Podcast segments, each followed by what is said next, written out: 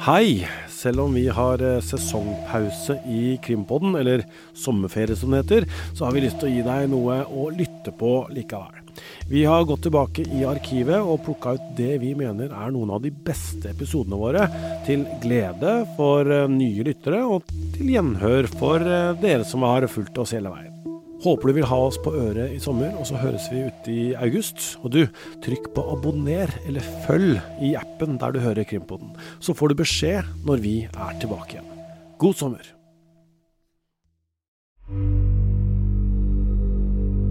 Hvis Tom Hagen skulle vært medvirkende til det, eller gjort utført det, da er han en god, god skuespiller da vi prater med ham.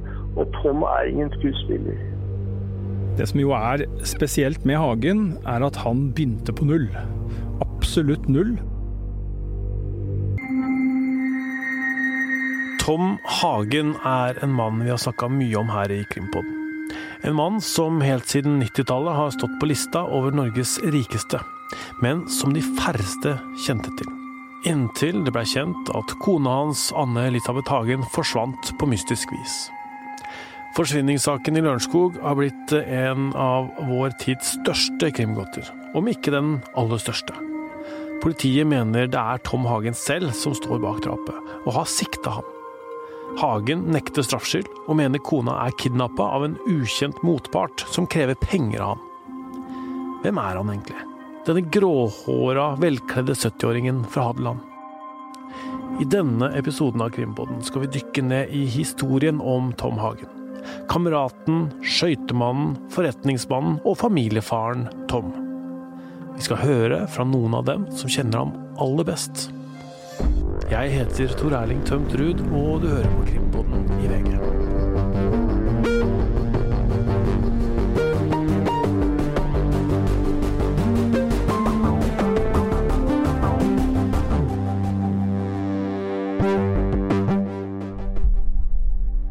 Det skal altså handle om Tom Hagen.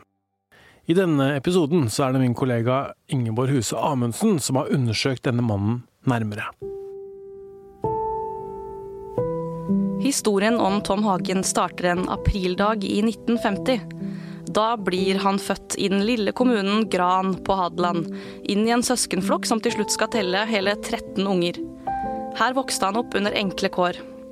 Tidlig skal han ha hatt økonomisk sans. Som gutt samla han på kronestykker som han tredde på et halssmykke, har en slektning fortalt til VG. I dag er Tom Hagen en milliardær.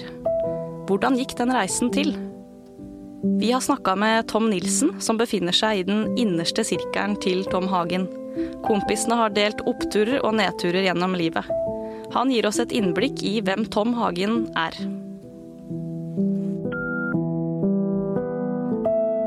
Hallo?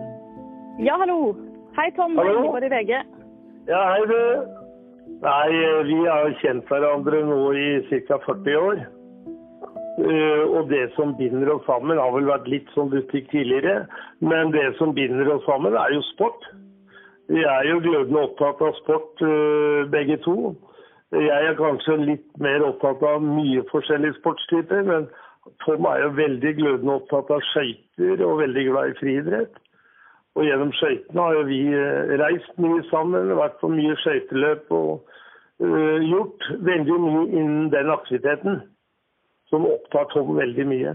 Han var jo hovedsponsor til eh, Johan Olav Koss og Kjell Storeli. og I den storhetstida rundt uh, OL så har han vært uh, sponsor i Norges skøyteforbund noen år. Eh, Og er jo glødende opptatt av det som skjer på skøytesiden rundt. og vi, eh, har, vi sitter jo og prater sammen sånn hver 14. dag, tredje hver uke, så har vi en sammenkomst. og Da har vi jo lett for å gå i det som opptar oss, da. Skøyter og og litt samfunnsorientert. og Tom er jo veldig oppegående på samfunnet rundt seg. Den vennegjengen som møtes, hvem, hvem er det, da? Nei, Johan Olav Koss og Tom og jeg møtes eh, ofte. Så skøyte, skøytemannen Johan Olav Koss er i Ja, ja, omgangskretsen? ja, Såpass? det er det. Johan er eh, veldig god venn med Tom og setter stor pris på Tom. Tom var jo den første store hovedsponsoren Johan fikk, og, det, og dem har jo hatt god kontakt siden. Vi er jo flere sånn, men det er vi som møtes mest på jobben hos Tom. Vi bruker å ta en kaffe og sitte der og prate. Og vi hadde en veldig hyggelig prat med Tom for ei uke siden. Ikke riktig ei uke siden på kontoret der. og Da satt vi vel i nesten fire timer og prata, så det var skikkelig hyggelig.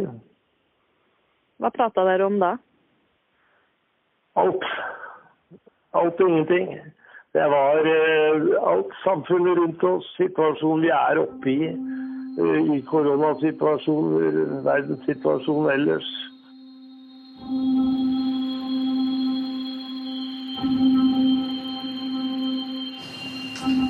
Øst politidistrikt har i dag pågrepet Tom Hagen, sikta for drap eller medvirkning til drap på sin kone Anne Elisabeth Hagen. Siktelsen er et resultat av en brei og omfattende etterforskning, der mistanken mot Tom Hagen har styrka seg over tid. Siktelsen markerer at saken nå går over i en ny fase.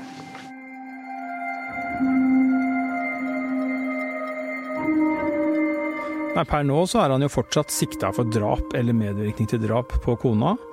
Og den siktelsen den, øh, den, står ved lag, til tross for at mange husker at Hagen ble løslatt av lagmannsretten i mai. Så er politiet veldig opptatt av å påpeke at man etter det eh, lagde et nytt eh, mistankegrunnlag eller bevisgrunnlag og gikk til tingretten eh, på Lillestrøm og fikk i juni rettens medhold i at det er skjellig grunn til mistanke mot Tom Hagen. Og det er jo litt vanskelige ord, men skjellig grunn til mistanke betyr enkelt forklart at det er sannsynlighetsovervekt for at han er involvert i en drapssak med kona som offer. Um, og så pågår etterforskningen. Vi i VG har jo og følger den etterforskningen tett fortsatt, og kommer til å gjøre det helt til denne saken får sin avslutning på et eller annet vis. Men det er jo verdt å merke seg, tenker jeg, at det er ikke så mye vi hører fra politiet, men, men, vi har jo nå for ikke så lenge siden hørt statsadvokaten uttale seg, og, og han var ikke bekymra over denne saken. Han, sånn som jeg leser det han sa til VG den gangen, så, er, så, så virker det som politiet føler at de har, om ikke kontroll, så i hvert fall at de fortsatt har en sak. Og så er det viktig å si at sist vi hørte noe konkret om bevissituasjonen, var jo da i forbindelse med fengslingen av Hagen. Fra juni og frem til nå så har det jo vært ganske så tyst. Så hva politiet jobber med, og hva de har funnet ut, og hvilke bevis som nå kan ligge der eller ikke ligger der, det vet vi jo ikke noe om. Og der står denne saken.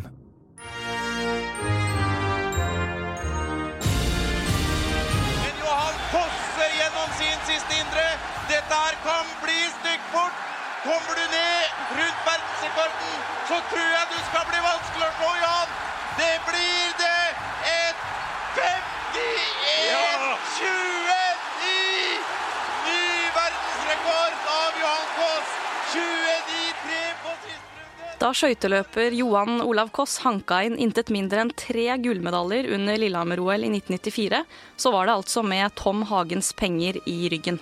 Noen år før så hadde Hagen danna skøyteklubben SK94, nettopp med det formål å sikre at Lørenskog-talentet Koss fikk en plass i det olympiske mesterskapet. Vi har kontakta Koss, som bekrefter vennskapet med Tom Hagen, men han vil ikke bidra mer enn det til podkasten. Skøyteklubben den er fortsatt aktiv, og de gamle entusiastene samles stadig på Valle Hovin i Oslo for å gå 10 000-meteren. Og jeg mener at Tom har passert 600 10 000-metere på skøyter. Han er en god skøyteløper sjøl, han da? Ja, han er god, han er ivrig. Men uh, god, han er jo 70 år nå, så da, da er han jo ikke god lenger. Men uh, han, har vært en, han har vært en lovende skøyteløper i sine ungdomsår. Så han var nok kanskje et talent som burde drive det lenger. Men det ble det ikke. Men han har jo beholdt interessen for skøyter i over 50 år. Tom Nilsen forteller at de to navnebrødrene ble kjent via håndballen på Fjellhamar. Tom Nilsen var leder, mens Tom Hagen var sponsor. De arrangerte også noen skøytegallaer sammen, og det sportslige samarbeidet leda til et langt vennskap. Eh, og etter det så har vi fortsatt å være sammen jevnt og trutt. Og vi har reist på skøyteløp sammen. Eh, holdt på å si verden rundt. Vært på mye langturer. Så eh, vi har bodd på dobbeltrom, og vi har prata mye skøyter. Og jeg har lært å kjenne den på en veldig god kameratslig måte. Vi har hatt noen fine turer til eh, Sovjet, Russland eh, og Ukraina. I forbindelse med både håndball og, og skøyter. Som vi har hatt det veldig hyggelig. Og de turene gjør at du knyter et litt spesielt bånd, og du lærer hverandre å kjenne på en litt annen måte enn sånn overfladisk. Så det har vært veldig positivt. Veldig. Eh, vi har, vi, har nok, vi har, nok, gjort mye rart, men vi har aldri gjort noe som er galt, for å si det sånn. Det har vi aldri gjort. Vi er vel vi er et av de som er på tribunen og deltar rundt idretten på en veldig kultivert måte. Du finner ikke oss med flaska på innapelomma på idrettsbanen og, og rølpete ute. Vi er ikke den type mennesker. Vi er der fordi vi er veldig, fordi vi er veldig glad i idretten. Hvordan vil du beskrive Tom da, som, som kamerat? Tom er, eh, han er ærlig. Han er, sier det han mener. Eh, har mye sterke meninger som er veldig bra. Han er veldig samfunnsorientert. Han har, eh, han har bevist i det private næringslivet hva han har fått til. Og du hadde ikke vært på det nivået han er på hvis du ikke er dyktig. Uh, og, men han er en veldig jordnær person. Det er ikke noe sånt som går rundt på rød løper og løper etter uh, for å bli tatt bilde av. Han er uh, heller pressesky. Vil ikke uttale seg så mye offentlig, det dytter han over på andre. Men veldig, veldig glødende opptatt, og spesielt at det er fremdrift i det du starter med. Hvis han starter opp med noe businessmessig, så så fortsetter han med det. Så han begynner ikke med noe han ikke har tro på. Han gjør en veldig god research på alt før han setter i gang. Han mener jo sånn at hvis du tar på deg en ting, så, så går du inn for det, og in det, på det.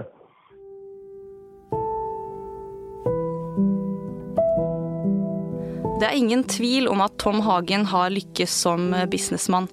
I dag er han nummer 169 på Kapitals liste over Norges rikeste, med en formue på hele to milliarder norske kroner. Etter oppveksten på Hadeland så studerte Hagen til å bli ingeniør på Gjøvik. Og etter det så begynte han å, å jobbe seg oppover i forretningslivet, med base i Lørenskog. Krimkommentator Øystein Millie, hva vet vi om hvordan Hagen bygde seg opp denne formuen? Det som jo er spesielt med Hagen, er at han begynte på null. Absolutt null, og har bygd seg opp da denne milliardformuen eh, i løpet av eh, et langt arbeidsliv. Eh, og som du sa, Ingeborg, han har jo nå en, anslått en formue på, på to milliarder kroner. Og det er jo da særlig eiendomsutvikling og strømsalg som Hagen har gjort veldig skarpt innenfor. Største delen av formuen hans kommer nok fra strømselskapet Elkraft. Der eier han 70 Um, og det har vært en kjempevekst uh, her de siste årene. Um, det gikk fra null i omsetning til 10 milliarder på, på 25 år, som jo er en ganske kort uh, tidsepoke i, en uh, forretningsmessig sammenheng. Og så tjener han jo penger på Tom Hagen Eiendom.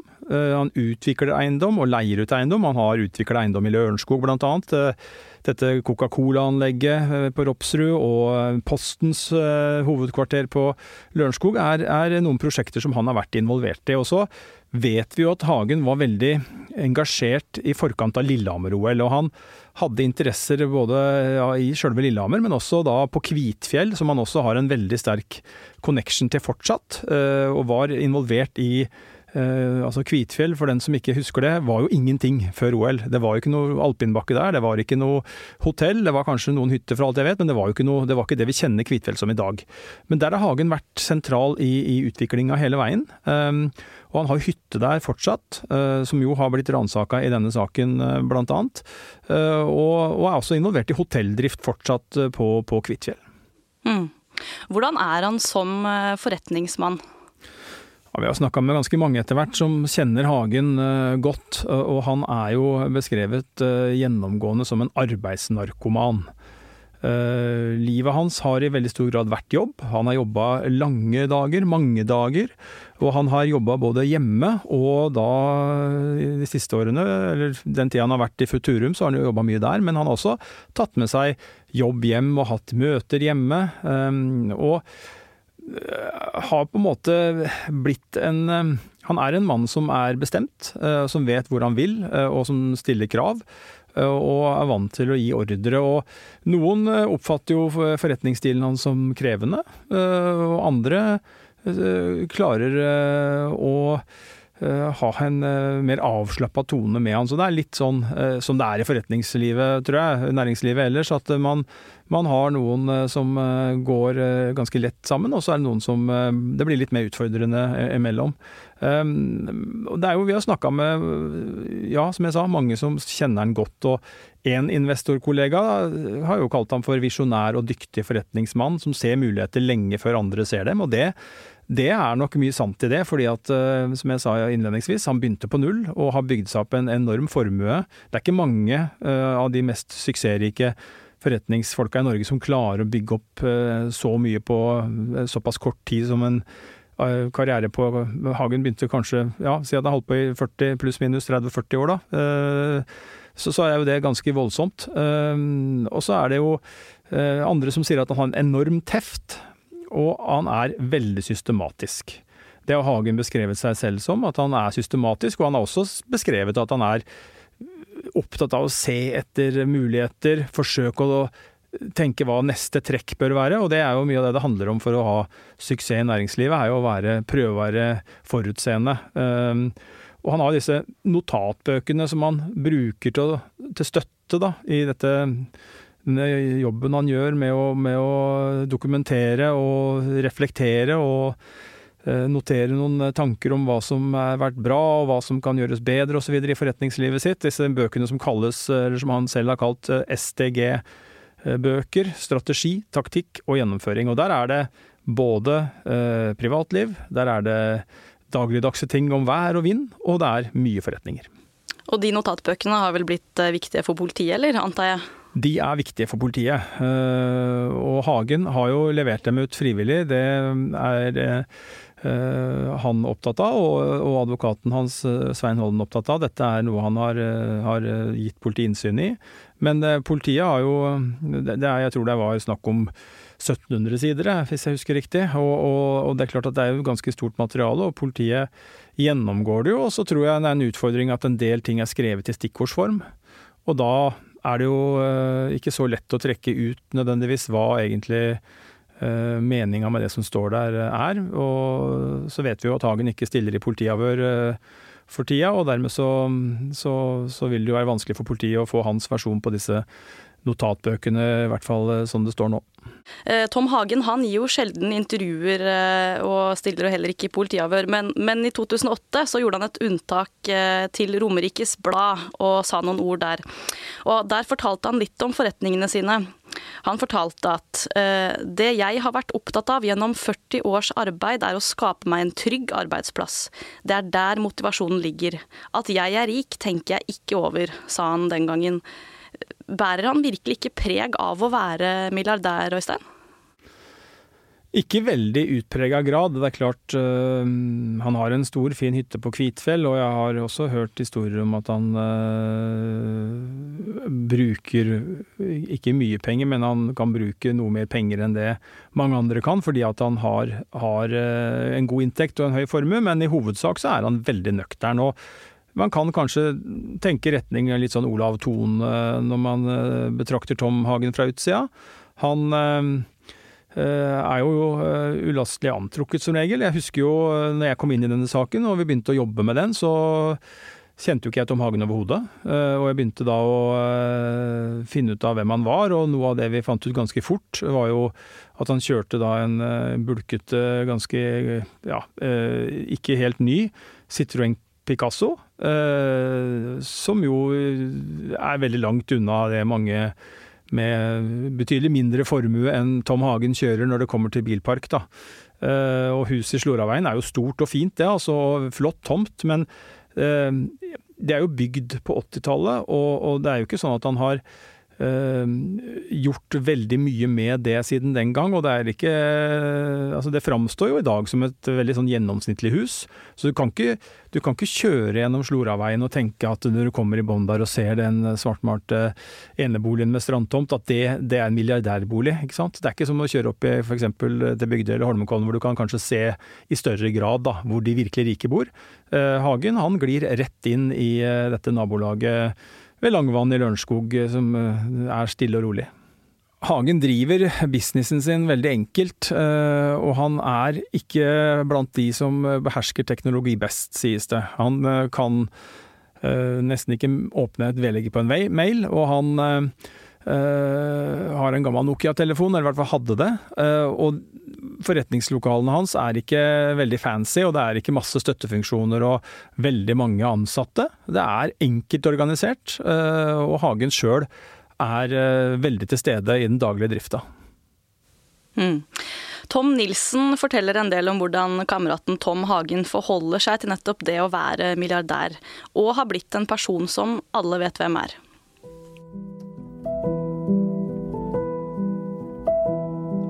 Han er jo lørenskoging. Om han er fra Havland, så, så har han jo bodd på Lørenskog i 50 år. Så det, det er her han hører hjemme.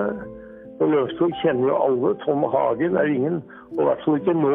Alle veit hvem han er og har hørt om ham. Hva syns han om det, tror du? At alle vet hvem han er? Ja, det, det er nok greit hvem alle veit hvem han er, men jeg vet at han hater det at den skriver milliardær og sånne ting. For sånne ting opptar ikke Tom i det hele tatt, vet du. Ikke i det hele tatt. Han liker å ha begge beina planta godt på bakken. Uh, så jeg, jeg vet at han misliker den situasjonen. Ja, for han er jo blant, blant Norges rikeste, og det har han jo jobba for, for uh, å opptjene seg, kan du si. Men, men, hvordan merker du på han at han har så mye penger, da? Ja, det merker du ikke i det hele tatt. Ikke i det hele tatt. Han er en fullstendig jordnær type. Han uh, omgir seg ikke med dyre ting. Han uh, oppsøker ikke kjendissteder. Han Eh, han, han, liker å leve et helt normalt liv. For han så er butikk butikk. Han har lykkes med det. Men på privatsida så er han lik alle oss andre. Hvis du går ut på en av Oslos dyre restauranter eller populære puber, den dagen koronapandemien er over, da vel å merke, så vil du neppe se Tom Hagen der. Han er visst ikke av typen som spiser dyre middager eller går ut på byen, ifølge kameraten. Der vil du aldri se Tom, slår han fast. Men på jobb derimot, der er han trolig å finne. Det har aldri vært noe åtte timers arbeidsdag for Tom. Det er det ikke. Han har uh, alltid uh, For å bygge opp det imperiet han har bygd opp, så, så får du ikke gjort det på en vanlig arbeidsdag. Så det har vært en del av livet hans, og det er det han har sagt til meg da vi har sittet og prata, at før denne saka kom, så sa han jo bestandig at han er glad at han er gift med Lisbeth. Fordi at han har fått lov å drive med den jobben han elsker, og får lov å bruke mye tid på den jobben. Uh, så uh, jeg kjenner jo ikke den siden igjen på mange som uttaler om det ene og det andre med problemer i ekteskapet. Jeg har aldri hørt om det. Jeg har aldri sagt et ord til meg om det. Han, eh, han, lever et vanlig familieliv inntil den saken som skjedde nå. da. Ja, det har jo snudd opp ned på huet på alt som er. Hvordan vil du si at, at forsvinninga og hele denne saken har prega ham? da? Det er klart det preger han stort. Han, eh, det er eh, klart at følelsesmessig så er det jo ikke bare han, det er jo hele familien. Det er savnet etter Lisbeth. Det er jo en person som er borte, som du ikke har funnet igjen. Og alle likte jo Lisbeth. Hun var jo en fantastisk dame. Hun var snill, blid, hyggelig.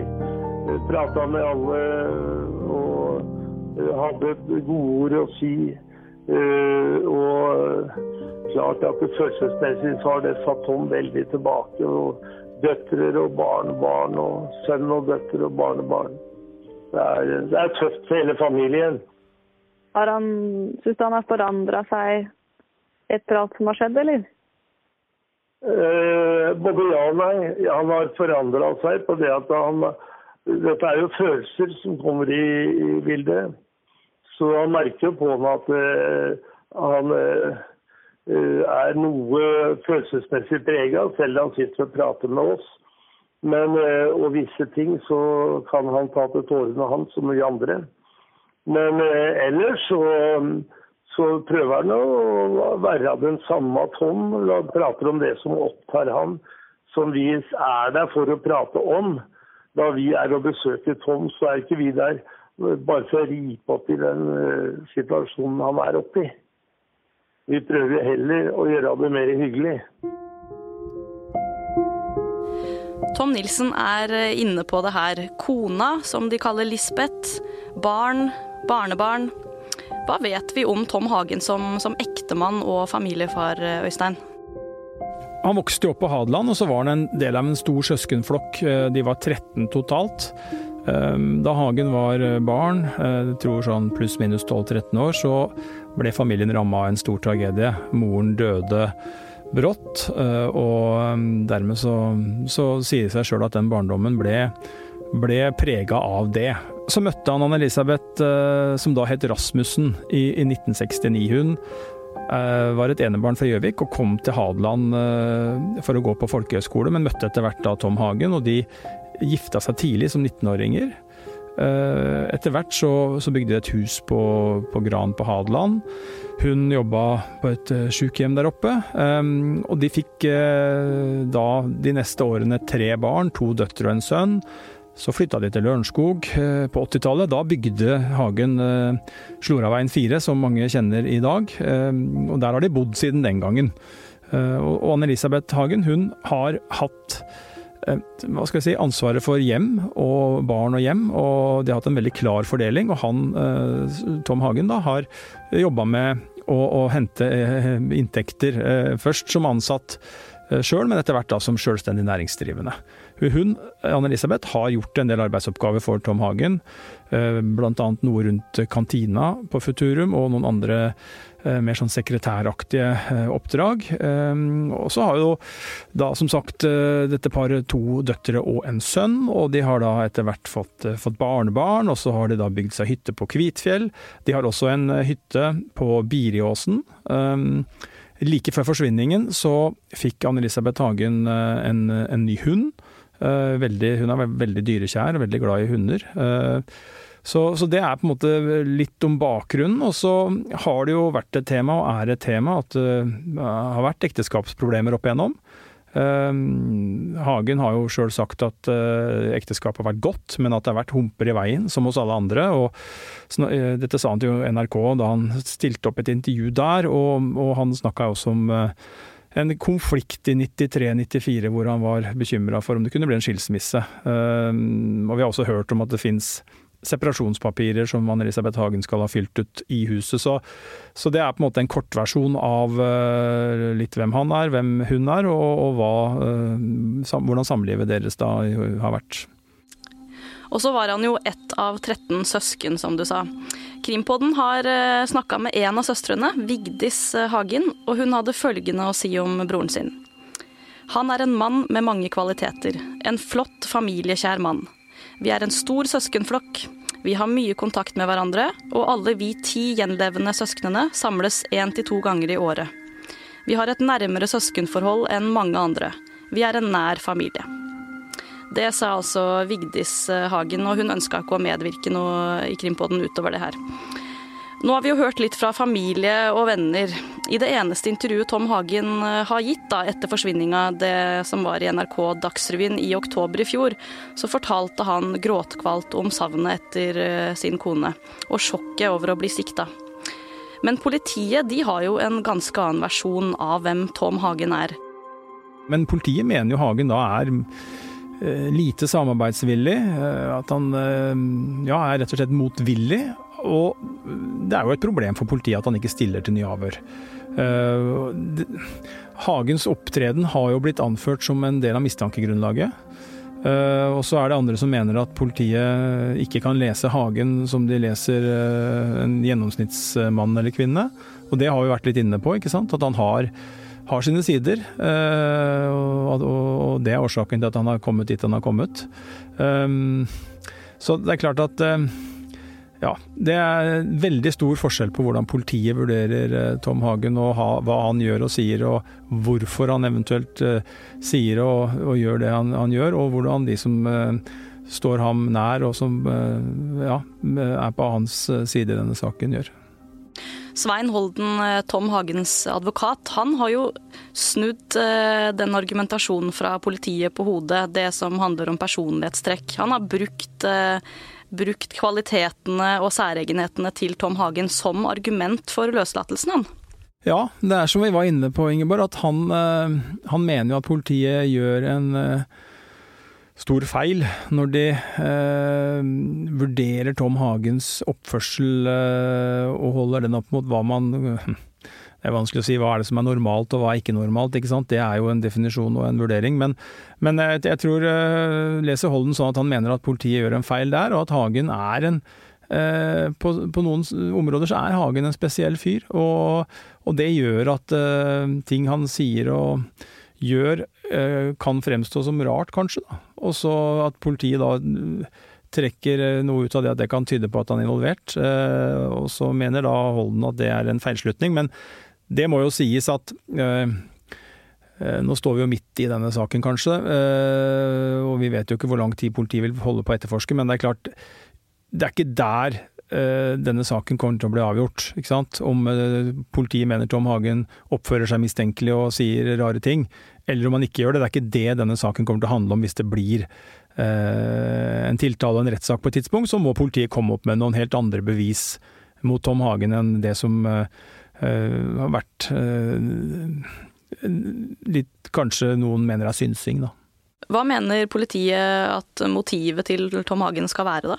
Ja, Da skal vi jo inn i dette som vi var eh, bortom i stad, nemlig ekteskapsproblemer, utfordringer der. Politiet har argumentert overfor retten om at Hagen skal ha et såkalt sosialt økonomisk og emosjonelt motiv, eller at motivet skal være en sånn karakter. Um, og I det så ligger det jo, ja, for å begynne med det ene, det ligger jo da i økonomi, da. Og dette, den ekteskaps, den ektepakten som vi har hørt om, som jo noen eksperter mener var grovt urimelig, og som ved en skilsmisse og en rettslig behandling kunne ha gitt Anne-Elisabeth Hagen, mener i hvert fall noen, betydelig større verdier. Um, emosjonelt handler jo om uh, det å bli altså da, altså ikke ønske en skilsmisse sjøl, men at, at, kona di går, ikke sant. Og det sosiale handler vel litt om eh, at Hagen og sånn som jeg leser dette paret, så har de på en måte vært eh, hatt hver sine områder, holdt jeg på å si. Og jeg tror kanskje at eh, Hagen er jo De, de har vært avhengig av hverandre, da, ikke sant. Han har vært eh, økonomisk pådriver, og hun har ordna med mye annet. Hus, barn, barnebarn. Og fått den biten til å rulle og gå, og at det da kanskje kan by på utfordringer hvis det skulle bli et ekteskapsbrudd. Det er slik jeg leser politiets definisjon av det de mener er motivet her.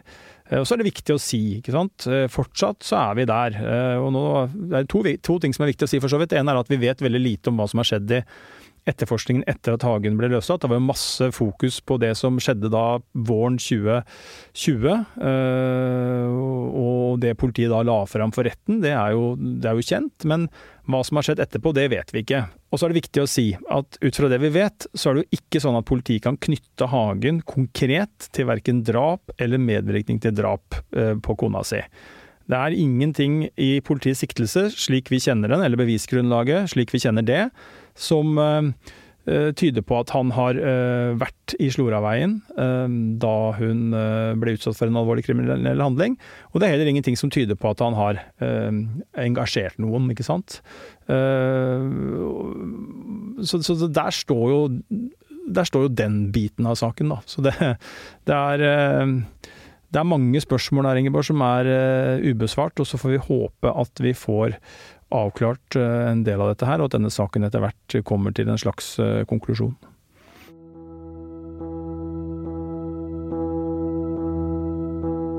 Familien til Tom Hagen støtter ham fullt og helt, og tror ikke han har noe med forsvinningen å gjøre. Det samme sier kameraten Tom Nilsen til Krimpodden. Han forteller om den dagen Hagen ble pågrepet. Første sjokket kom jo etter det da Lisbeth ble borte. Neste sjokk kom jo også da Tom ble arrestert. Og på, ikke bare at han ble arrestert, men måten de arresterte ham på, var jo horribel. Og det sjokket der, det sitter veldig i Tom den dag i dag. Veldig. Først så blir det jo dømt nord og ned i, i media og overalt. Og så blir du arrestert på den måten der brutalt og kasta på glattcelle ned for politihuset. Det er jo liksom ikke Tom Hagen. Men hvordan reagerte du da, da, da det ble kjent at politiet mente det var han? Det husker jeg veldig godt, for da satt jeg da var klokka fem på ni om morgenen. Jeg venta på, på Dagsnytt klokka ni på TV 2. Og så plutselig så kom det opp på rulleteksten at Tom Hagen var blitt arrestert. Og da, da, da gikk det kaldt nedover ryggen på meg. Jeg tenkte er det mulig? Dette må være feil. Eh, det var, det, den, de minutta der, den husker jeg veldig, veldig godt. Ja, for da, Du har aldri tenkt at han kunne vært medvirkende til det her? Aldri. Aldri. Verken, verken utførte eller vært medvirkende til det. Ikke inntil det motsatte er bevist. Og jeg sier det sånn at uh, hvis Tom Hagen skulle vært medvirkende til det eller gjort utført det, da er han en god, god skuespiller da vi prater med ham. Og Tom er ingen skuespiller. Jeg har full tiltro til han. For hvis han ljuger, så hadde du sett det, tenker du? Ja, hvis du har vært gjennom det han har vært av avhør og det så er det jo ufattelig at det profesjonelle folk innen politiet som avhører det, ikke har klart å, å, avsløre hvis han skulle ljuge. Altså, Da du forteller sannheten, så husker du hele tida hva sannheten er. Men hvis du ljuger og dikter opp historier, så vil du ha profesjonelle folk som politiet har til å drive med avhør. Så må jo den kunne avsløre om han sier imot seg sjøl eller gjør noe. Det, det avslører Da burde han blitt avslørt.